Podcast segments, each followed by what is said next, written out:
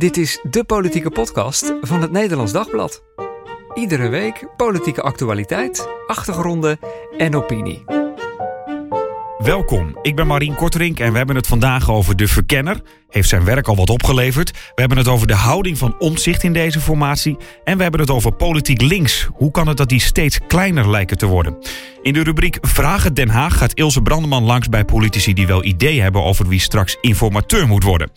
Bij mij aangeschoven politiek verslaggever Gerard Beverdam en politiek commentator Sjeer Kuiper. Goed dat jullie er zijn. Hey. Even bij het begin beginnen. Vorige week, Gomp van Strien die was nog niet eens begonnen en hij was alweer weg. We zijn hem alweer bijna vergeten. Ja, nee, dat was uh, een hele slechte start voor Wilders. Hij dacht van, uh, nou, ik, ik, ik kies iemand... Uh, nou ja, ik denk dat het eigenlijk ook wel aangeeft dat hij niet heel erg op het scenario was voorbereid... dat hij zelf de grootste partij zou worden. Nou ja, hij heeft toen deze meneer uh, uitgekozen. Die bleek uh, verdacht te worden, of tenminste ja, beschuldigd te worden van fraude. Dat, dat onderzoek loopt nog. Um, maar ja, op een gegeven moment constateerden ze wel van... Uh, als we hiermee verder gaan, dan zal constant daar de aandacht naar uitgaan. Dus laten we wat anders doen. En vervolgens kreeg hij, denk ik, een veel betere ingeving. Ronald Plasterk. Ja. Ik vond nog wel frappant de, rond de, de gang van zaken rond Van Strien dat um, in het weekend eigenlijk al Martin Bosma, de tweede man van de PVV, eigenlijk suggereerde van let erop jongens, de, pers gaat er alles aan doen om ons te beschadigen en kapot te maken. Nou, toen kreeg je dus die berichtgeving in NRC over, uh, over Van Strien. En aanvankelijk leek dat een beetje de flex te worden inderdaad van zie je wel, zo proberen ze het. Maar Wilders heeft uiteindelijk maandag eigenlijk vrij onverhuld gezegd van ik had dit wel willen weten. Oftewel, dit bewijst juist toch de waarde van journalistiek. Want die journalistiek brengt dingen aan het licht die mensen anders niet weten. En in dit geval zelfs de partijleider wist niet wat er speelde. Dus uh, het was een, een duidelijk verwijt richting Van Strien. Uh, en nader bleek ook uh, richting uh, mevrouw Faber, de fractievoorzitter van de PVV in de Eerste Kamer, die wel op de hoogte was en die het niet nodig had geacht haar partijleider dus te informeren. Dus dit geeft ook meteen een beetje aan de, ik zou haast zeggen, de angstcultuur of de, de omzichtigheid binnen de PVV als partij. Dat er iets speelt in de Eerste Kamer notabene en dat de fractievoorzitter in de Tweede Kamer, tevens partijleider, daar niks van weet. Dus dit, ja. En dan nog iets. Uh, ik denk dat dit bij andere partijen ook wel aangeeft van. Ja, uh, hoe gaat het eigenlijk intern bij de PVV? Ja, en wie heeft wie daarvoor het zeggen? En heeft Wilders die club wel ja, echt in, in, in, in bedwang, uh, heeft onder controle? En, en wie komen daar straks bijvoorbeeld allemaal de Tweede Kamer in? Hè? ik bedoel, het schijnt dat hij dat Wilders helemaal geen rekening heeft gehouden met zo'n grote fractie. En hij, hij kent die nummer 36 bijna niet. Nee, wil je zeggen. nou ja, nee. En, en, en hij heeft ook een lijst met maar 45 uh, namen. Ja, ja. Dus uh, ja, we zijn ook best wel heel ver op die lijst, zeg maar. En juist als kabinets- of als coalitiepartij moet je zeker kunnen leveren. Je moet zeker zijn van dat de zetels die jij aanlevert, zeg maar om die meerderheid uh, aan te bieden, dat die ook betrouwbaar zijn. Dat dat geen weglopers zijn. Dat je niet over een half jaar uh, met, een, uh, met een fractie zit waarvan er minstens vijf vertrokken zijn. Dus, en het gaat ook niet om een kleinigheid, hè, waar die van Stream van wordt verdacht. Het gaat toch wel om ja, hij zegt zelf dat hij onschuldig is, maar het gaat wel om, om grote sommen geld. Er hangt een, ja, toch een beetje de, de idee omheen van heeft hij zichzelf verrijkt. Nou, dat moet allemaal natuurlijk uh, uiteindelijk onafhankelijk door een rechter worden vastgesteld. Maar ja, het is niet zo dat hij, dat, dat hij van een klein dingetje wordt beschuldigd. Nee, en dus heeft Geert Wilders direct maar gezegd van... hup, uh, gaan, we doen iemand anders. En toen kwam hij met Ronald Plasterk. Verrassend eigenlijk, of niet? Nou ja, um, Nee, niet helemaal. we, we, kennen Ronald Plasterk natuurlijk als toch wel wat flamboyante eh, minister van Onderwijs. Van, eh. van, van zijn hoed ook bijvoorbeeld, hè, ja, die dat ja, regelmatig op heeft. Zaken. En later Binnenlandse Zaken. Ja, ja, ja. Maar goed, uh, hij heeft zich daarna wat meer uh, ontwikkeld. Ja, ja wat meer de rechtse of meer, wat meer de populistische kant op, hoe je het ook maar wil uh, zeggen. columns schrijven voor de Telegraaf. Ja, hij is, hij is ooit binnen de PvdA boven komen drijven door zijn columns in de Volkskrant. Ja. Ik bedoel, dus het, het is iemand die zich al publicerende een weg werkt naar, de, naar de openbaarheid. Um, alleen nu heeft hij een afslag genomen en doet dat opnieuw eigenlijk via de krant. En ik heb begrepen dat zij elkaar een tijdje terug op vakantie hebben getroffen, ja. Wilders en uh, Plasterk. En dat Wilders nu uh, van Strien uh, ja, vertrok dacht van hé. Hey, uh, maar goed, je, je kunt ook niet uitsluiten dat die naam al wel ergens in zijn hoofd heeft gezeten. voor misschien een later moment in het proces. Dat hij hem wellicht gaat. Dat hij hem te vroeg moet spelen, om het zo nou, te zeggen. Wie, wie, weet gaat als, die, als Plastek dit, hè, wat natuurlijk nog, nog heel veel drempels uh, en, en, en, heuvels kent voordat we daar zijn. Uh, maar wellicht is hij straks ook wel de informateur. Dat weet je niet, dat kan. Maar het wonderlijkste was toch ook wel dat in, in de evaluatie van de vorige uh, het vorige formatieproces, wat uiterst beroerd verliep. Iedereen weet het nog met de verkennersfase en de drama's toen. Uh, in die evaluatie daarvan is gezegd: alsjeblieft, een verkenner van buiten de politiek. Ja. En uh, Wilders heeft dus aanvankelijk juist toch een uh, politieke vertrouweling. Nou ja, uh, vertrouwd is dan dus zeer relatief in dit geval. heeft hij naar voren geschoven en heeft in tweede instantie zich pas gerealiseerd van... oh inderdaad, misschien moet ik iemand van wat meer, met wat meer afstand tot mijn partij en tot de dagelijkse politiek nemen. Ja, want wat werd daarmee bedoeld dan met de afstand? Want ik dacht, Ronald Plasterk is natuurlijk ook een politicus. Maar ze bedoelde ja, gewoon niet, niet in de dagelijkse... De, niet dat je de dagelijkse politiek betrokken bent. Kijk, de vorige keer hadden we mevrouw Jorritsma... die uh, voorzitter, fractievoorzitter van de VVD in de Eerste Kamer was. Dus die zit wekelijks zit die dan bij het bewindsliedenoverleg van haar partij. Dus dat is iemand die, die volledig ingevoerd is... in alles wat er de, de voorgaande jaren is gebeurd. Dat is iets heel anders dan Plasterk... die nu al een paar jaar van een afstandje ja. de werkelijkheid bekijkt. En Van Strien stond ook op de nominatie om de fractievoorzitter in de Eerste Kamer voor de PVV te worden. Dus uh, omdat Marjolein Faber naar de Tweede Kamer gaat. Dus ja, dat, dat, dan zou die er ook wel dicht op hebben gezeten. En inderdaad, het ideaal is eigenlijk dat een verkenner of een informateur iemand is die, die uh, inderdaad een soort voorbijganger is. Die misschien wel het politieke bedrijf van vroeger uit goed kent. Maar gewoon voor een klus naar Den Haag komt en daarna ook weer weg is. Zo bezien is het eigenlijk een ideale kandidaat. Veel ervaring in de politiek, al een tijdje op afstand. Tenzij die zelf ambitie heeft om ook wel weer in het volgende kabinet te zitten. Het is wel zo. En dat zou, dat, dat zou eigenlijk dan niet moeten. We hebben het over Plasterk? Ja. ja. ja. Hij heeft een hele wonderlijke carrière als minister. Ik bedoel, in zijn eerste kabinetsfase, hè, dat was 2007, 2010, werd hij de eh, minister van feesten en partijen genoemd. Omdat hij met name zo druk was met homo-emancipatie en dergelijke. En uh, nou ja, bij de, al dat soort gelegenheden. En zijn tweede uh, fase als uh, minister van Binnenlandse Zaken heeft hij eigenlijk niet gerealiseerd wat hij wilde. Namelijk onder andere een, een grote hervorming van de provinciale, van het middenbestuur, zeg maar. Dus uh, ja, ik geloof dat er weinig mensen in, in Nederland onder de, of in de politiek onder de indruk zijn van zijn prestaties als minister. Maar goed, het was een slimme vent. Ja, hij is nu dus de verkenner. Uh, en nou, hij is aan zijn taak begonnen.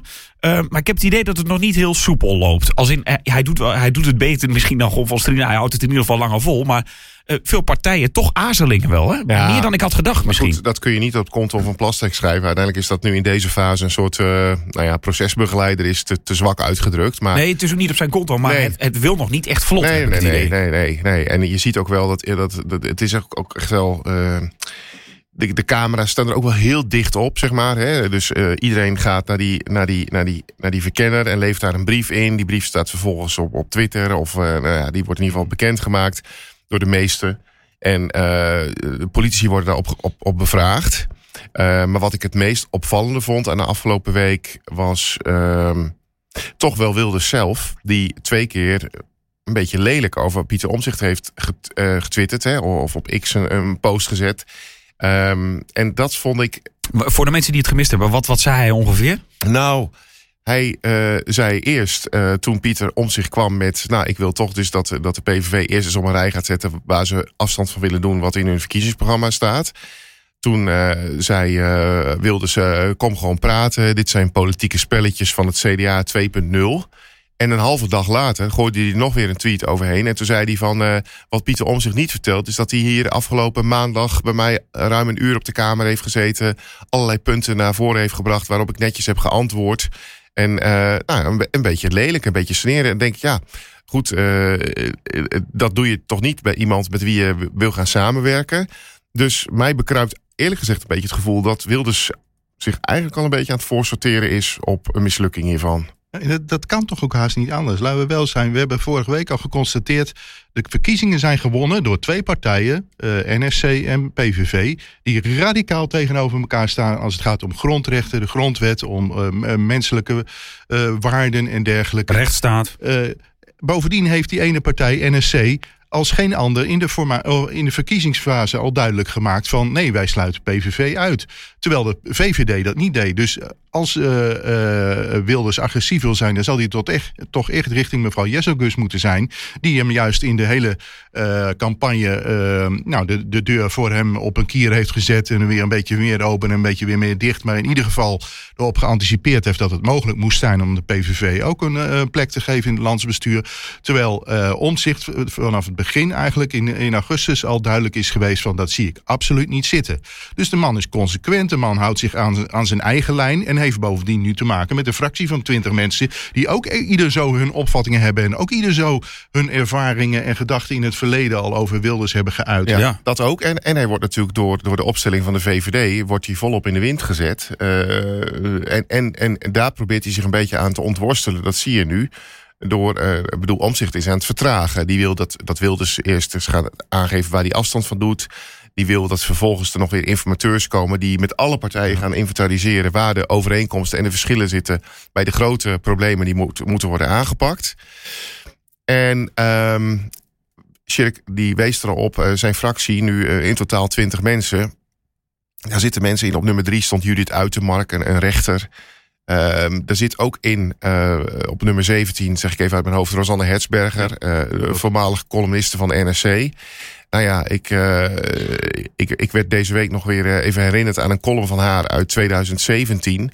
Waarin ze echt helemaal afrekent met, met Wilders.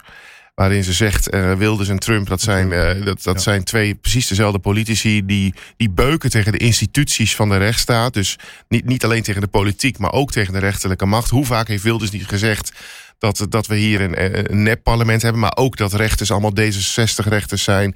Wat heeft hij ook in zijn eigen rechtszaak. Toen hij werd vervolgd voor het minder minder.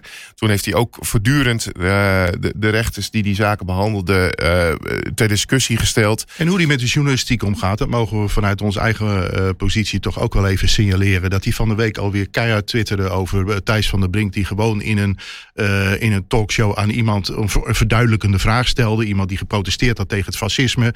Nou, Thijs die vraagt van, bedoelt u dat Wilders een fascist is? Ja, zegt die mevrouw. En vervolgens uh, gaat, gaat Wilders eroverheen van, Thijs, je zit mensen uit te lokken om mij fascist te noemen. En ja, en ik heb het nog weer teruggekeken. Het was niet zo dat, dat, dat uh, Thijs van der Brink met dat woord nee, nee, nee, die mevrouw die zei, die zat ze gedemonstreerd ja. tegen fascisme.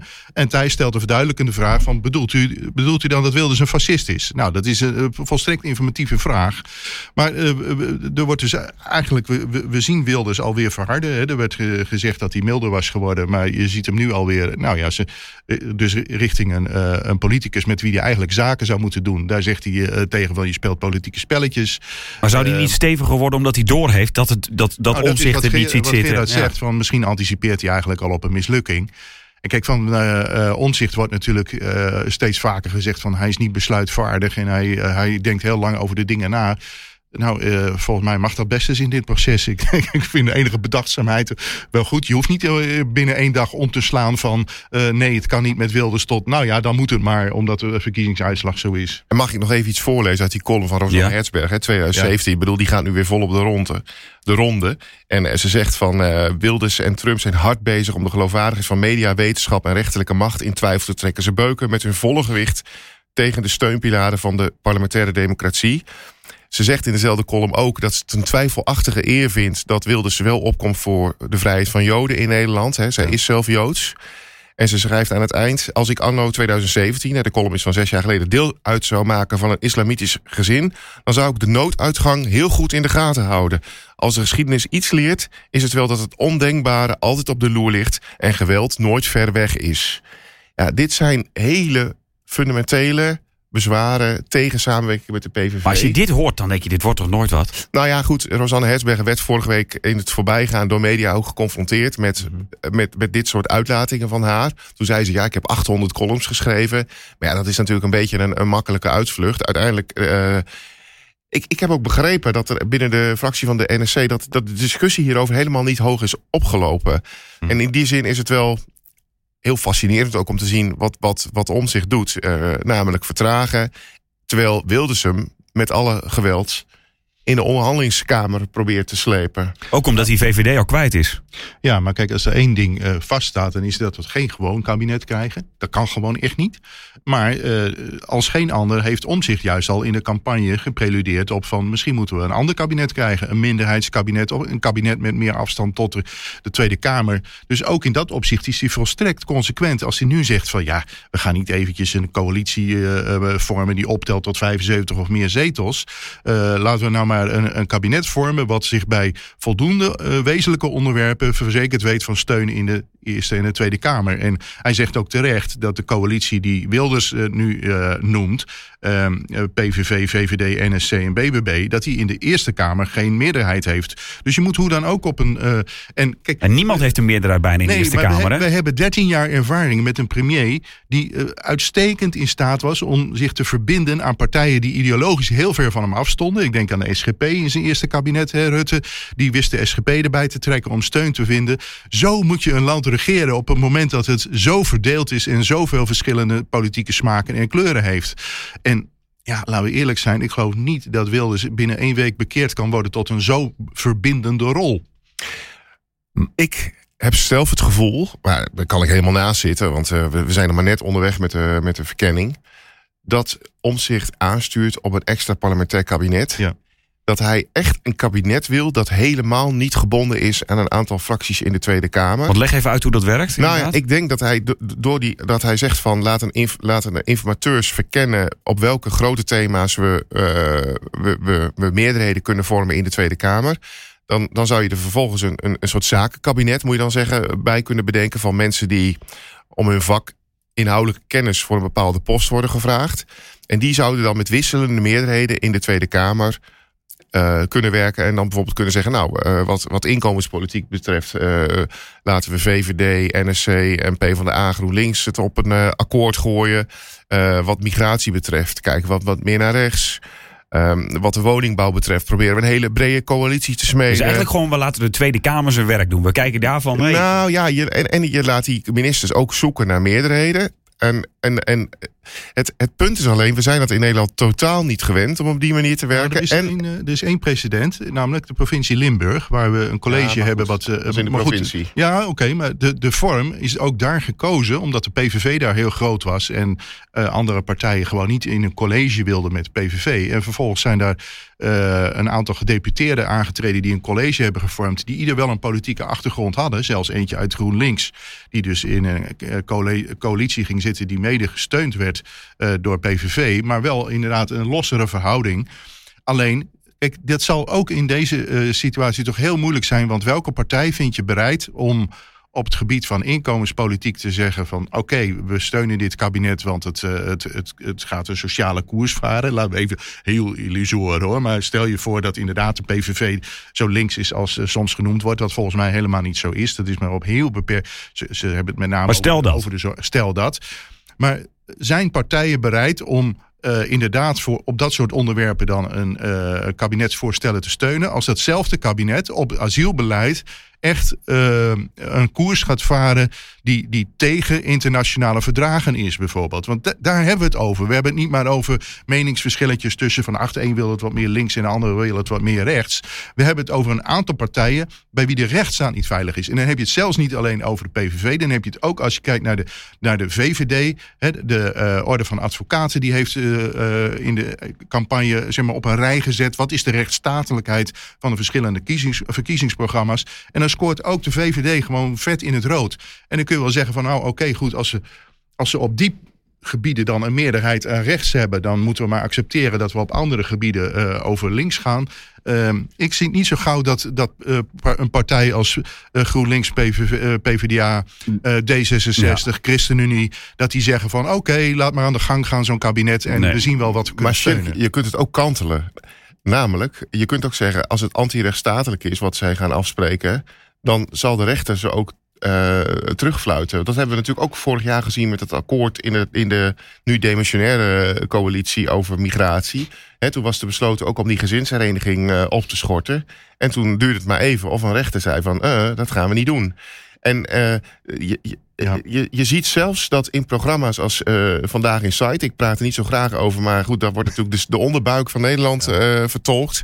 Daar wordt nu gewoon al avond aan avond gezegd van... ja, op migratie kan een kabinet helemaal niks klaarspelen. Want dat is allemaal aan internationale verdragen... en aan, en aan Europese, ja, Europees beleid gebonden. Dus ja, dat is helemaal niet op te lossen. En ik denk dat, dat daar in zekere zin een kern in zit. Als we het migratieprobleem op willen lossen, is de Europese route de enige werkbare route. betekent dus wel dat we hoe dan ook dan een kabinet zullen krijgen... wat de, de PVV-stemmer ook ernstig teleur zal stellen. Want alles wat eh, Wilders de afgelopen jaren heeft geroepen... uit, uit de Europese Unie, eh, uit de internationale verdragen... uit, de- uit de euro en dergelijke... dat, is- dat blijkt nu dus allemaal gewoon Ja. ja. Praterij geweest. Ja, mag ik nog één ding zeggen dan over dat zakenkabinet? hè? Stel Ja. dat dat, dat dat er komt. Dat wil omzicht vooral, hè? Ja, Ja, ja. nou ja, en, en, en, en misschien is dat gegeven de, de, de hele de uitslag die er nu ligt... ook wel, ja, toch wel een, een te onderzoeken route... of in ieder geval het onderzoek waard of dat mogelijk is. Het punt is alleen, in Nederland hebben we een soort systeem... dat als een kabinet bijvoorbeeld een motie van wantrouwen aan de broek krijgt... en de meerderheid van de Tweede Kamer stemt daarmee in... dan is zo'n kabinet weg. Dat betekent dus dat, dat Omtzigt, ik denk hij voorop, zal het dus, als hij dat graag wil, voor elkaar moeten krijgen. Dat hij het op een soort herenakkoord gooit met mensen als eh, Frans Timmermans, maar ook met Dylan Jezelgus, maar misschien ook wel een aantal kleinere partijen, om te zeggen: kunnen wij in ieder geval afspreken dat wij dit kabinet in ieder geval voor een jaar of voor twee jaar in ieder geval de ruimte geven om te kijken of dit gaat werken. Want als zo'n kabinet binnen drie weken eh, ja, eh, weer bij de uitgang staat, dan, hebben, dan schieten we er natuurlijk ook niks meer op. Nee, en tegelijk eh, denk ik dat weinig mensen de illusie hebben dat we een kabinetsperiode van vier jaar tegemoet gaan. Dus garanties, ik, ik denk dat de garantie tot aan de voordeur van het parlement geldt op dat moment. En dat het dus. ja, het is heel moeilijk om van partijen die zich niet gebonden hebben aan het kabinet, die er bovendien geen enkele geestelijke verwantschap mee hebben, om daarvan te vragen dat ze, dat ze het een, jaar de, eh, eh, een jaartje gaan Ja, ja, aanzien. ja. Ik heb niet eh, voor niks van de week al in de krant het scenario afgelopen samen met Bert van der Braak. eh, van wat gebeurt er eigenlijk als er gewoon helemaal geen kabinet komt. Want daar wordt zelfs. Er zijn al mensen. eh, Wat gebeurt er dan? Nou, er zijn al partijleiders in Den Haag begonnen om eh, zich te oriënteren op een nieuwe campagne. En zich ook mentaal voor te bereiden op dat we misschien over een paar maanden wel weer naar de stembus moeten. Wat zegt dat dan eigenlijk? Dat is ergens, want kijk, ik bedoel, we snappen dat het met de PV misschien ingewikkeld is. Aan de andere kant, het zijn natuurlijk wel. eh, Ja, maar dat, dat zegt dat we een bizarre campagne achter de rug hebben. Die, eh, die totaal ontspoord is in de richting van één onderwerp, eh, namelijk asiel. Wat, eh, waarvan je ja, kunt zeggen van het, het, het blijft een Gordiaanse knoop. Maar het is niet de grootste knoop waarmee, we- waarmee we te dealen hebben in dit land op het ogenblik. Er zijn veel grotere problemen. En het, is, eh, het was de meest navelstaarderige campagne. Maar nu gaan we het overdoen wat we vorige weken hebben besproken. Maar gaat de kiezer dan over drie maanden ineens iets Nou, totaal moet- anders stemmen? Je zult een, nee, maar nou, je, je kunt een totaal andere campagne krijgen. En verkijk je niet op de kiezer. Als je kijkt naar hoe de, hoe de peilingen de afgelopen eh, maanden bewogen hebben. De kiezer is uiterst onbestendig. De kiezer heeft de afgelopen jaren laten zien dat hij bij de ene verkiezingen massaal op Forum voor Democratie stemt. Drie maanden later waren de Europese verkiezingen en werd PvdA het grootste. Met Timmermans, laten we dat niet Ja, vergeten. Hè? Ook tweede. Ehm, nou ja, eh, eh, vervolgens hebben we BBB een keer de grootste gehad. Nu hebben we PVV de grootste. Ja, sorry hoor, maar de, de, maar het kan ook zijn dat PVV nog groter wordt, bijvoorbeeld over drie en maanden. Daarom denk ik echt niet dat, eh, dat allerlei andere partijen daar eh, denken van nou, dat, dat komt wel goed. En dan is het wel voorbij met die 37 zetels. Want dat hangt er dan inderdaad helemaal van af hoe, de, hoe die eh, gang van zaken, hoe die, eh, ja, hoe die bekeken wordt, hoe die geëvalueerd wordt. eh, Of mensen daar Wilders de schuld van gaan geven. Of juist andere partijen de schuld geven en zeggen van we zullen hem nog wat groter maken. Ik, eh, ik las deze week nog eens een interview wat Gert-Jan Segers in september gaf aan de Volkskrant. Wij hebben hem overigens ook in de krant gehad. Maar ik kwam dat interview, ik dacht, ik ga het nog eens even weer rustig lezen. Nu de, nu de verkiezingscampagne voorbij is. En daar zei hij dus in september al dat, hij, eh, dat zijn inschatting was dat de VVD zich toch heeft misrekend met die kabinetsval. Eh, hij zegt, mijn inschatting is dat ze er nog heel veel spijt van gaan krijgen. Want D66 en ChristenUnie waren echt wel bereid om heel vergaande maatregelen te nemen voor hun doen op het gebied van migratie. Alleen de VVD is al langer geleden een soort fuik ingezwommen door aan de achterban te beloven, wij gaan wat doen aan die migratie in Nederland. En wat ik net al zei, dat is heel lastig om dat als land afzonderlijk te doen. Want je kunt namelijk binnen Europa geen hek om je, om je land zetten. Je hebt eigenlijk niet zo heel veel invloed op waar asielzoekers naartoe gaan. Er wordt ook heel vaak gezegd van... ja, als we maar niet aantrekkelijker zijn dan de landen om ons heen... nou, het blijkt dat heel vaak asielzoekers gewoon naar het land gaan... waar ze bijvoorbeeld al mensen kennen. Of, of, ja, dat, dat Jarenlang is aanzuigende werking een soort mantra van de VVD geweest. Daar, die rechtvaardigde allerlei pestmaatregelen. Daar zijn we in 2010 mee begonnen. Met echt pestbeleid. Met beleid wat het leven van asielzoekers zuur moest maken. Wat hen moest ontmoedigen. Wat moest laten zien hoe moeilijk het was om in Nederland op je plek te komen. En dat heeft onder andere dus bijvoorbeeld toegeleid dat ze niet mochten werken. Nou, we hebben deze week een uitspraak van de Raad van State gehad. Die eindelijk de weg opent voor asielzoekers om aan het werk te gaan. En hoe belangrijk is dat niet? Juist ook met het oog op een integratie.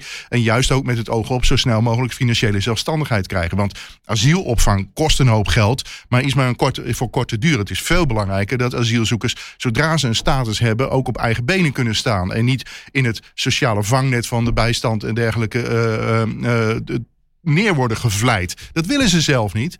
Maar goed, eh, nogmaals, asiel, dat is een onderwerp waar VVD, veel VVD'ers net zo radicaal over denken als de PVV. Ja, bleek ook uit die partijbijeenkomst. Exact, als je op een VVD-bijeenkomst bent, dan, dan uh, Wilders zegt het misschien wat harder. Die heeft het woord asieltsunami uitgevonden. Maar VVD'ers zijn daar ook heel hard in. Behalve de VVD'ers die ondernemer zijn en die arbeidsmigranten in Nou, er waren van de week ook wel mensen in die zaal waar Jesselkus was in Utrecht, die toch wel zeiden van ik snap niet eens dat we dit onderzoeken. Ja, zo van dat moeten we niet doen. Ja, nee. Er waren ook echt wel mensen die niet willen. Dat is het volgende punt wat ik wil maken. De VVD had dus veel duidelijker moeten markeren dat asiel maar één charmant puntje van, van Wilders is. Maar dat je daarmee een heel uh, reservoir van veel ergere en veel bizarrere en veel schadelijkere, ook voor ondernemend Nederland, punten krijgt. Zoals bijvoorbeeld uit de Europese Unie. Niemand neemt het serieus. Ja, dus ze hadden eigenlijk moeten zeggen van uh, we kunnen uh, Geert Wilders redelijk volgen als het gaat om migratie. Maar alle andere punten zoals een ja, Neem een woord als ondernemersklimaat. Dat is zo belangrijk voor VVD'ers. Dat alle hot items van de afgelopen jaren, zoals de, de de dividendbelasting en zo. Alles wordt geëikt aan het ondernemersklimaat. Uh, wilden ze zijn plannen, ze, uh, de, de roep van Wilders zelfs in het buitenland is slecht voor het ondernemersklimaat. Waarom hebben ze dat allemaal uh, zeg maar, laten gaan? Alleen maar omdat ze dat punt van de asiel wilden maken. de VVD heeft gewoon gegokt en verloren. En dat is het hele cynische van waar we nu naar zitten te kijken. De VVD heeft afgelopen zomer gegokt. We gaan, we gaan het kabinet laten vallen.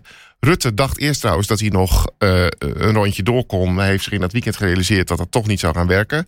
Toen hebben ze Dylan Jezelkus op het schild gehezen. Met wel een zeer gelikte, maar weinig inhoudelijke campagne. Um, alleen, zij hebben altijd gedacht, in die end zijn, worden wij toch de grootste partij. Misschien wel met ietsjes verlies, maar we blijven de grootste partij. Dat is valikant mislukt. En nu, nu, nu, nu draait de VVD zich eruit weg. Want zij zijn helemaal niet voorbereid op het scenario waarin een andere partij de grootste is. Het is een vorm van zelfoverschatting die met de jaren komt. Ze denken dat het succes eigenlijk te danken was van de afgelopen 13 jaar aan dat zij zo'n geweldige campaigner zijn. Dat zij zo goed campagne kunnen voeren. Datzelfde heb je met CDA gezien uh, in, de, in de periode Balkenende. Ging heel goed met de partij. En vervolgens treedt er een soort overmoed op van zie je, wat kunnen wij goed campagne voeren. Hè? We, uh, we, we, regeren, maar we, we, we weten toch stuk goed campagne te voeren dat het van ons afglijdt en dat we weer de grootste worden. En dat we weer een kabinet vormen. En uh, hebben, hebben zich inderdaad gewoon uh, toch verkeken op de, de, de grote breuk die, die optreedt op het moment dat Rutte vervangen uh, vertrekt. Ja. Als, als de toch laten we dat nog één keer benadrukken, als echt een verbindende persoonlijkheid. Met alles wat je kunt zeggen over zijn, uh, zijn flexibiliteit en zijn teflon en zijn, uh, en zijn uh, vergeetachtigheid. Maar hij was iemand die die, die partijen bij elkaar... We gaan hem nog en missen. dus is de schuld van de situatie waar we nu in zitten, is gewoon de schuld van de VVD. Ja. En ik denk dat de kiezers dat wel aanvoelen. Voordat we verder gaan, uh, gaan we eerst naar Den Haag, waar Ilse Brandeman, politici, alvast vraagt naar ja, de volgende fase: een informateur. Vraag het Den Haag. De drukste politieke week ligt achter ons en na de verkiezingsuitslag gaat het nu vooral om de vraag hoe we tot een regering kunnen komen. Nou ja, drie mensen zijn daarin belangrijk: een verkenner, een formateur en een informateur. Rond die verkenner, PVV'er Grom van Strien, ging natuurlijk al van alles mis. Maar daarna moet er nog iemand bereid zijn die partijen kan verbinden op inhoud, zodat er een regeerakkoord kan komen. Het is deze week wat tammetjes in Den Haag, maar ik ben benieuwd: maken politici zich druk om die formatie? Ik zie in de verte Caroline van der Plas met een boek in haar handen staan.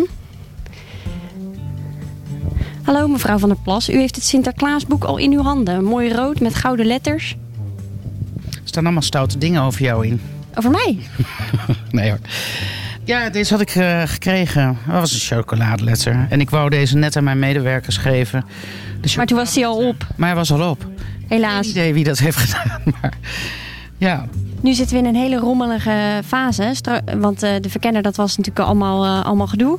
Uh, straks komt er een formateur. Kun je eerst heel even kort uitleggen, wat is eigenlijk een formateur? Nou, een formateur gaat aan de hand van wat de Tweede Kamer na de verkenningsfase heeft besloten. Gaat hij proberen de partijen die, logisch, nou, die logisch vinden om met elkaar samen te werken. Om die ook bijeen te brengen in de standpunten. Dat is even gewoon heel klein, kort door de bocht wat er gebeurt. En dan gaan ze echt op de inhoud verder. En als u het voor te zou hebben, wie zou, wie zou een perfecte kandidaat zijn binnen de BBB voor de taak als formateur? Nou, als wij een formateur zouden mogen leveren, dan uh, zou ik kiezen voor Henk Vermeer. En dat is de nummer? Dat is onze nummer vier. En waarom is hij goed? Henk is uh, heel analytisch, is heel rustig, uh, heeft humor, kan partijen bij elkaar brengen en ehm, is het cement in de betonmolen.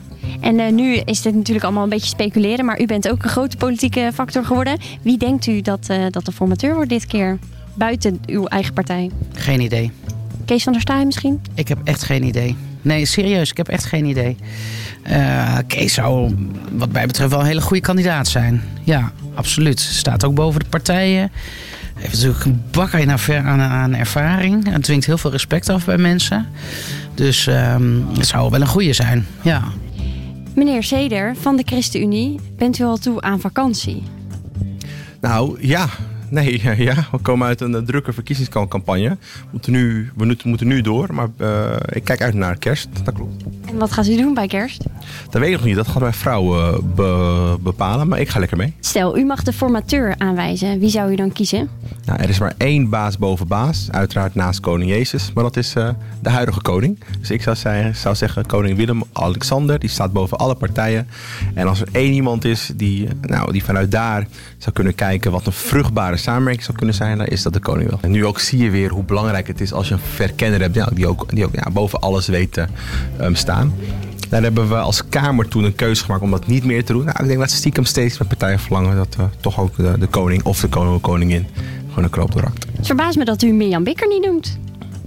Verbaasd? Nou ja, ik denk dat Mirjam andere dingen aan haar hoofd heeft. Dus uh, ik denk ook niet dat ze daar nu zin in heeft. Dus uh, ik denk dat Mirjam druk be bezig is over hoe we met, uh, nou, met deze mooie club ook gewoon verder kunnen, kunnen bouwen. Ook in een politiek veranderd landschap. Op, op naar de vijf zetels weer terug? Nou, minimaal. Dus ga er wel vanuit. Don Seder is wel toe aan vakantie. Ik heb het idee dat meer politici dat willen. Nou, deze week is een beetje een overgangsweekje. Volgende week wordt er afscheid genomen van de oude Kamerleden en worden de nieuwe parlementariërs warm welkom geheten. Dus een vakantie, dat zal er voorlopig nog even niet in zitten. Ja, de koning terug in de formatie. Ja, ik, ik denk eerlijk gezegd, als ik koning Willem-Alexander zou zijn, zou ik nu heel blij zijn dat ik die rol niet heb. Ja, en voor alle duidelijkheid, de koning was, was niet informateur. Hè? De koning was verkenner. De koning was eigenlijk gewoon de, e-, degene de eerste die, in het verhaal. Allereerste, ja. De formatieprocessen beslaat drie fases. De verkenning, de informatie. En de informatie gaat over de inhoud. En daarna de formatie. Dus de formateur, dat is uiteindelijk eigenlijk de beoogde premier die een kabinet vormt. De informatiefase, dat is vaak iemand die dus juist niet beoogd uh, minister hoeft te zijn. Dat was de vorige keer, was dat Johan Remkes. Uh, en, maar de, dus de, de rol van de koning was eigenlijk het uh, ja, het een beetje laten bekoelen van de, van de uitslag. Iedereen zijn zegje laten doen. Uh, en daar uh, een beetje chocola van maken. er zat het... altijd wel enige sturende betekenis in natuurlijk. Maar... maar... dat was ook in een andere tijd. En denk je dat dat nu, Ja, als, de, nou, als Willem-Alexander nu Wilders en, en Omzicht en iedereen ontvangt, denk je dat het dan echt anders Nee, gaat? dat is, maar dat is het misverstand van iedereen met re- reactionaire opvattingen. Namelijk dat je ontwikkelingen terug kunt draaien. Je kunt betreuren dat, dat, dat, er- dat het zo gegaan is. Maar gewoon zeggen, we gaan weer terug. Hè, dat is eigenlijk een beetje hetzelfde als van... we gaan weer terug naar de gulden. Of we, eh, dat, Ja, dat ik werkt denk, gewoon ik niet. denk ook juist voor het behoud van de monarchie, met dit versplinterde politieke landschap, Nou, is het echt beter om de koning hier niet mee te belasten. Inderdaad, je zult maar na afloop van zo'n eh, verkenningsfase eh, voluit de wind op de, op de koning krijgen die het zogenaamd niet goed eh, heeft aangevat. Of eh, zeker met, met wat we nu meemaken. Ja. Ik heb nog twee dingen die ik met jullie wil bespreken. Ik wil het zo meteen nog even hebben over afkalvend links. Eh, Gerard, jij schrijft er onder andere dit weekend over. Eh, maar nog eventjes de christelijke partijen. Het gaat natuurlijk veel over die grote, die, die eh, partijen die eh, redelijk wat zetels hebben. Eh, maar vroeger was het inderdaad nog wel eens ook de ChristenUnie is nodig of de SGP. De- is, dat, is dat dus helemaal geen rol meer voor Nou ons? ja, kijk, als we nog even terugkomen op dat zakenkabinet. Stel dat er zo'n soort kabinet komt wat helemaal niet aan een bepaalde coalitie in de Tweede Kamer is gebonden.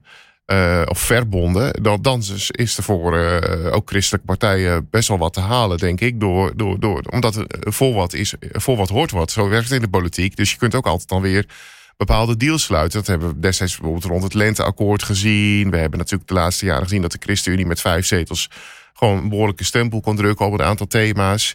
Dus, eh, Maar- nou ja, maar op dit moment spelen ze natuurlijk eh, eh, een, een, een kleine rol van betekenis. Tegelijkertijd zie je wel, dat vond ik opvallend in de brief van Henry Bontebal aan de, aan de verkenner. De, die, die behalve eh, spreekt over de rechtsstatelijkheid, ook over, wijst op het democratische ethos bij de PVV. En daarmee denk ik dat hij subtiel ook wel eh, eh, de mensen die eh, bij NSC zitten, en wat voor een deel oud-CDA's zijn, de fijntjes aan herinnert van dat ze toch wel de rechtsstaat goed overeind moeten houden. En laten we niet vergeten, we hebben het nu steeds over machtsvorming. Maar je gaat niet alleen de politiek in om, de macht te beïnvloeden. Je gaat ook om, om je waarden uit te dragen. En nou, ik denk dat de christelijke politieke partijen, met name CDA en, en de afgelopen 10, eh, 15 jaar ook de ChristenUnie, ehm, ja, eh, misschien wel voor een deel zeg maar, slijtage hebben geleden door het voortdurend betrokken zijn bij de macht. Inclusief alle concessies die je daaraan moet doen. dus En even herbronnen. Heel goed. Nou, niet, niet herbronnen. Die bronnen die hebben ze echt nog wel. Maar ze kunnen gewoon weer vanuit hun bron spreken. Ze kunnen, en de- dat heeft de christelijke politiek. eh, ik bedoel, de, SGP heeft een eeuw lang niks anders gedaan dan alleen maar zeggen: hoort, hoort, hoort, land des heren woord. Eh, en, ze- en dat is. Getuigenispolitiek kun je wel afdoen als van ja, dat is langs de zijlijn wat roepen. Maar dat is juist in een verscheurd en, eh, en, en woest politiek landschap. is het heel belangrijk dat er ook vanuit waarde eh, eh, weer wordt ge- ge- gesproken. Dus dat krijgt, krijgt welk kabinet we ook krijgen, krijgt het gewoon heel veel behoefte aan een, een zuiver eh, christelijk eh wa- wa- waardengevuld getuigenis. En er gaat weer gewoon eh, ja, nagedacht worden. En, en ik vond dat onze collega Niels van de Bovenkamp er van de week alweer een leuk artikel over had. Over ja, eh, moet je niet eens gaan denken aan een fusie tussen CDA en ChristenUnie. Kijk, dat, dat gaat natuurlijk voorlopig niet gebeuren.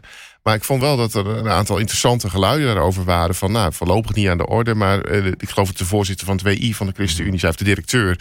Misschien moeten we ooit de Rubicon wel, wel oversteken. Alleen, er zit natuurlijk een heel groot probleem qua grondslagen. Hè? Ja. De ChristenUnie als een voluit eh, christelijke partij. Een partij van Jezusvolgers, eh zou Segers zeggen. Ja. En het CDA, wat natuurlijk een veel meer afgeleide christelijke identiteit De heeft. normen eh, en waarden veel van meer, eh, nou ja, de, normen en waarden zullen misschien nog wel voor een belangrijk deel overeenstemmen. Maar de partijculturen zijn totaal verschillend. Ja. Alleen, ehm, Nee, ik bedoel meer van het CDA, die, die, die dragen die normen en waarden wel uit, maar die zijn niet zo expliciet van. Nee. We gaan elke zondag naar de kerk, we geloven dat Jezus de verlossing brengt. Dat is altijd natuurlijk een beetje een woordenspel. Wat is nu precies de christendemocratie en wat is christelijk? Dus Ja, ja. Dat bij het CDA is dat meer afgeleid. Tegelijkertijd zit er natuurlijk nu wel een partijleider die wel de taal van de ChristenUnie-achterban ook wel goed spreekt. Ja, ja. Ehm, nog eventjes over eh, de linkse politiek. Ja, links-rechts is altijd misschien een discussie. Maar jij hebt een artikel geschreven eh, aankomend weekend in de krant over ja, hoe groot of hoe klein links eigenlijk is. Nou ja, ik, ik kom daarin nog even terug op die discussie eh, binnen de PvdA met name over... is dat nou wel zo'n goed idee om het op een eh, verbond te gooien met GroenLinks? En wat gaan we daar uiteindelijk mee bereiken? En ja, je zag natuurlijk na de toch wat... Kijk, eh, het idee van eh, links was samen zijn we sterker... en met Frans Timmermans worden we de grootste partij. Nou, dat is niet gelukt. Ze zijn de tweede partij. Maar ja, stel dat Wilders inderdaad het, het, het voortouw moet teruggeven, dan zie ik eigenlijk niet in hoe Timmermans een coalitie kan vormen. Goed, zeg nooit nooit. Maar eh, je ziet dus dat die discussie weer opnieuw wordt opgerakeld. Oud PvdA-Kamerlid en ook eh, afgelopen zomer vertrokken uit het bestuur van de PvdA, Lutz Jacobi. Die schreef een brief, die is ook naar buiten gekomen. En daarin zegt ze van, wij, het is precies geworden wat, wat ook andere mensen al hebben voorspeld. PvdA GroenLinks is een partij geworden voor de wat hoger opgeleide progressieveling. Met allemaal hoogdravende idealen. Maar de gewone man, die weten we niet te bereiken. En de PvdA zou juist zelfstandig veel meer gericht moeten zijn op het terugwinnen van, de, van die kiezer. En ze, ze verwees nog terug naar, uh, naar een opinieartikel van Simon Den Haak. Dat is een PvdA-stratege. Uh, dat was die in het verleden, voor Lodewijk Asscher onder andere. En ook trouwens de, de, de partner van uh, het vertrekkend PvdA-Kamerlid Henk Nijboer. Dus iemand die wel dicht bij het vuur zit. En die afgelopen zomer schreef van... het is als de havermelk tegenover de, de havermelk cappuccino tegenover de gewone koffie. En als uh, de mensen die uh, een, een Tesla... ja, tegenover Heineken was het, ja. en of de Tesla tegenover het tweedehands autootje. Het zijn hebben, gewoon twee totaal Het zijn twee totaal verschillende groepen. En, en, ja. en ja, het is misschien... mensen die die, die, die, die, die, uh, die vinden dat het toch eigenlijk op, op niks is uitgelopen. Vooral ook omdat Lutz Jacobi zegt: uh, we hebben als PvdA GroenLinks ook de andere linkse partijen gewoon leeggegeten. Ja, het is dus niet zo van, en dat is jouw, jouw betoog eigenlijk ook, links wordt kleiner. Want het is niet zo dat die partij uit het midden kiezers naar links haalt. De stelling is, verenigd links leidt tot een kleine links. Maar um, even als kanttekening. Ik ken uh, Lutz Jacobi nog uit Friesland, uh, waar haar politieke carrière begon en waar ze ook vandaan komt. Uh, er zit veel romantiek en melancholie in. we hebben het hier over de PvdA van een paar generaties geleden. Toen het inderdaad nog een arbeiderspartij was die opkwam voor de gewone man, zoals dat heette. De gewone man uh, is een heel betrekkelijk begrip. Is het binnen de PvdA ook al lang? Ik heb in de jaren 80, 90 al meegemaakt dat uh, een PvdA-statenfractie vooral bestond uit ambtenaren en mensen in het onderwijs. Maar snap dat, je haar gevoel en, niet? En dan werd, er heel, uh, dan werd er heel romantisch gesproken over die ene echte arbeider die er dan nog ook nog bij zat. Um, links heeft van ouds oplossingen voor mensen uh, uh, aan de onderkant van de samenleving, of aan de, aan de minder, van de minder bedeelden. En het cynische van de huidige werkelijkheid is dat juist zeg maar, de, de, de mensen van wie je, je inderdaad kunt afvragen: van hebben die niet de boot gemist en zitten die niet heel erg in de nederklits, die, die lopen aan tegen het onbetaalbaar worden van de eigen risico in de zorg en dergelijke. Dat die mensen aangesproken worden door de PVV. Terwijl uh, een groot deel van de mensen in Nederland die het echt moeilijk hebben, dat zijn bijvoorbeeld migrantengezinnen. Dat zijn ex-statushouders, of statushouders, ex-asielzoekers, die helemaal van uh, nul op iets moeten opbouwen. De arbeider, of de, uh, wat men dan noemt, de praktisch opgeleide, dat zijn over het algemeen tegenwoordig mensen die het. Nou, ook best goed kunnen hebben. Je kunt als, als installateur of als, als werker in de bouw kun je, uh, kun je uitstekend verdienen. Dat zijn niet de mensen die nog de verheffing van het volk nodig hebben waar de PvdA maar wie dan wel? voor stond. Nou, wat ik, wat ik noem dus de, de, de mensen die uh, uh, het toeslagenschandaal. Dat betrof vooral mensen die op, hun op basis van hun naam gescout werden door de Belastingdienst. Als mensen met een allochtone achtergrond en daarom misschien wel niet zo goed in de papieren zaten. Dus dat zijn de mensen die. Uh, die uh, en die, die, die worden. Uh, ja, daar, daar wil de PvdA wel. En, en daar is juist inderdaad, zou ik denken, links beleid voor nodig. Maar nogmaals, het, het cynische is dat, dat dus. De, de, de, linkse politiek heeft een hele lange geschiedenis. Als het gaat over de romantiek van de PvdA, dan moet ik ook denken aan, aan Domela Nieuwenhuis uh, en, en Pieter Jelle Stroelstra, hè, allebei in Friesland actief. Dit is wel de oude man verteld, ja, maar, hè? Ja, nee, maar dat is, heel, ja, maar dat is heel wezenlijk, want dat gevoel dat leeft nog binnen de Friese PvdA. Ik heb daar nog meegemaakt dat er de, de internationale werd gezongen, hè, verdorpenen der aarde. En daar, daar, daar ging het ook heel erg over solidariteit en internationale solidariteit. Um, maar uh, dat, en tegelijk was dat een, een, vorm van politiek die vroeger door christenen ook ernstig werd uh, verafschuwd. Want Domela was een anarchist en Troelstra maar heeft dit de revolutie dit, interesseert de PvdA-kiezer van nu toch helemaal niet? Exact. Die, die... Dus daar zit heel veel... Uh, de PvdA is, voor een, is een partij uit een andere tijd. En, uh, en de hervorm. En ook GroenLinks. En jij zegt dus, in die zin is het wel goed dat ze GroenLinks samen zijn. is een veel stromenland. GroenLinks, daar zitten ouderwetse communisten in. Daar zitten pacifisten in. Daar zitten christelijke radicalen in. De PPR en de EVP. Dat, zijn al, dat is al een vrij wonderlijk mengsel. Dus het idee dat dat een, een soort havermelk-elite is, dat klopt ook helemaal niet. Dat, is, dat, dat, is, dat zijn ook stereotypen. Dan heb je het over de, uh, misschien over de GroenLinksers in Amsterdam, nee. maar niet over de GroenLinksers in Friesland. Die, of, uh... die analyse van Lut Jacobi, die, uh, die staat natuurlijk bol van de, van de, van de stereotypen. En ja. ook wel, het is ook wel eenzijdig. Want in die zin is het denk ik ook niet helemaal één op één hetzelfde als, als die Simon den Haak waar ik het net over had. Want die had het ook heel nadrukkelijk afgelopen zomer over de verbinding van de PvdA met middengroepen die als er een goed verhaal ligt best bereid zijn om wat hij noemt centrum links te stemmen. Dat betekent dus ook een wat een gematigde linkse koers. Uh, ja, dat is natuurlijk heel moeilijk te zeggen. Kijk, um, de PVV-stemmer, dat is, dat is niet alleen maar de gewone man. Want bijvoorbeeld in Spakenburg, nou, daar hebben volgens mij heel veel mensen het best goed. Daar stemt 1 op de 3, mind you, heeft naar PVV gestemd. Maar goed, als je kijkt naar Noordoost-Groningen, ja. in een gemeente als Eemsdelta, waar Delcel onder valt en uh, Appingedam, Loppersum, dat soort plaatsen. Uh, waar vroeger de PvdA heel sterk was. Ja. Daar is ook bovengemiddeld op de PVV gestemd. Echt boven, het landelijke, boven de landelijke uitslag. Dus dat betekent dat Lut Jacobi voor een deel gelijk heeft. Maar dat tegelijkertijd je niet kunt zeggen...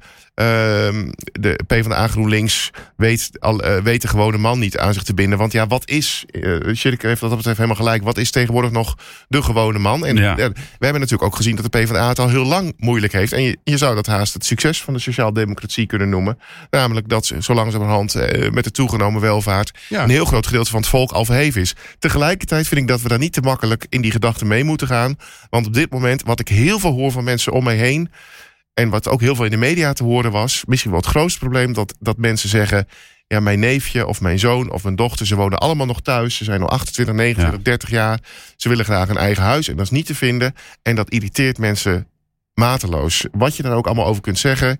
De woningmarkt is echt een heel groot issue op dit moment. Ik wil nog heel kort, hele kort, hele korte antwoorden. Wat moet links doen om weer groter te worden dan? Laat dat zeggen, en dat is, dat is misschien heel makkelijk, maar het idee van we maken er een fusiepartij van en we halen een man van aanzien uit Brussel om de volgende premier van Nederland te worden, dat heeft in ieder geval een klein beetje zo naar de dijk gezet, maar ook weer niet. Als je kijkt naar het enorme verlies van D66, van de SP ook. Hè, uh, ja, de kiesraad uh, stelt op dit moment de uitslag vast. Maar het zou wel eens kunnen dat ze op vier ja. zetels eindigen. Uh, links heeft het vijf. gewoon. Uh, ja. hoor ik net. Dat, dat het toch vijf is geworden. Oh, nou toch vijf. Ja. Maar goed, links zit dus onder de, onder de 50 zetels. Als je alles bij elkaar optelt. En dat is, uh, dat is heel lang niet zo weinig geweest. Maar Marien, jij gebruikt dus straks het woord herbronnen. He, voor christelijke partijen. Nee, dat zei Frans Timmermans volgens mij. Daarom uh, zei ik herbronnen. Ja, nu noemde de VVD maar eens even in de bankjes voor herbronnen. Voor christelijke partijen is herbronnen terug naar het evangelie. Wat is voor links precies terug naar... Wat is herbronnen voor hen? Is dat terug naar Den Uyl? Den Uyl was bijvoorbeeld iemand die heel erg voor de sociaal... die nog in 86, in het jaar van zijn sterf... nog heel vol vuur sprak over de tweedeling in de maatschappij... en over de armen. Uh, en en vervolgens heeft de PvdA zich ontwikkeld tot een cultureel progressieve partij. Met vooral een culturele agenda. He, wat paars, vooral uh, een libertijnse culturele agenda. Met medisch-ethisch moest alles los en dergelijke. en de, de, de zorg over de, ja, de, de minima, wat vroeger een heel gangbaar woord was. De, hoor je, ja, de ja. minima, dat zijn dan nu dus de woninglozen. Een voorstel uit de campagne, wat ik me nog herinnerde, was dat ze zeiden van ja, we willen abortus uit het wetboek van strafrecht halen. Ja, nou, en we moeten altijd oppassen voor de reflex van een christelijke krant. Om te denken van nou, dat, is, dat willen we niet onafhankelijk naar kijken. Maar ik geloof ook als ik echt probeer daar gewoon objectief naar te kijken, dat het gewoon een heel slecht idee is. Omdat juist die vermelding in het wetboek van strafrecht vrouwen beschermt tegen een. Uh, tegen een onveilige of een illegale abortus. En dat, er staat heel duidelijk in onder welke omstandigheden het niet onder de strafrecht valt. Dus het is symboolpolitiek, terwijl mensen in Nederland oplossingen willen voor concrete problemen. Wat is de bron van Links Nederland? Goeie vraag om eens over na te denken komende week. Volgende week dan praten we weer verder, want dan is er ongetwijfeld ook in deze hele formatie, verkenning, et cetera, weer een hoop te bespreken. Dan weten we ook of er bijvoorbeeld heel veel voorkeursstemmen naar bepaalde politici zijn gegaan. Daar praten we volgende week over door. Dit was de Politieke Podcast. Vergeet niet een recensie achter te laten, want dat maakt het voor anderen weer makkelijker om ons te vinden. En als je op deze podcast abonneert in je favoriete podcast-app, dan verschijnen we iedere week vanzelf. Tot volgende week.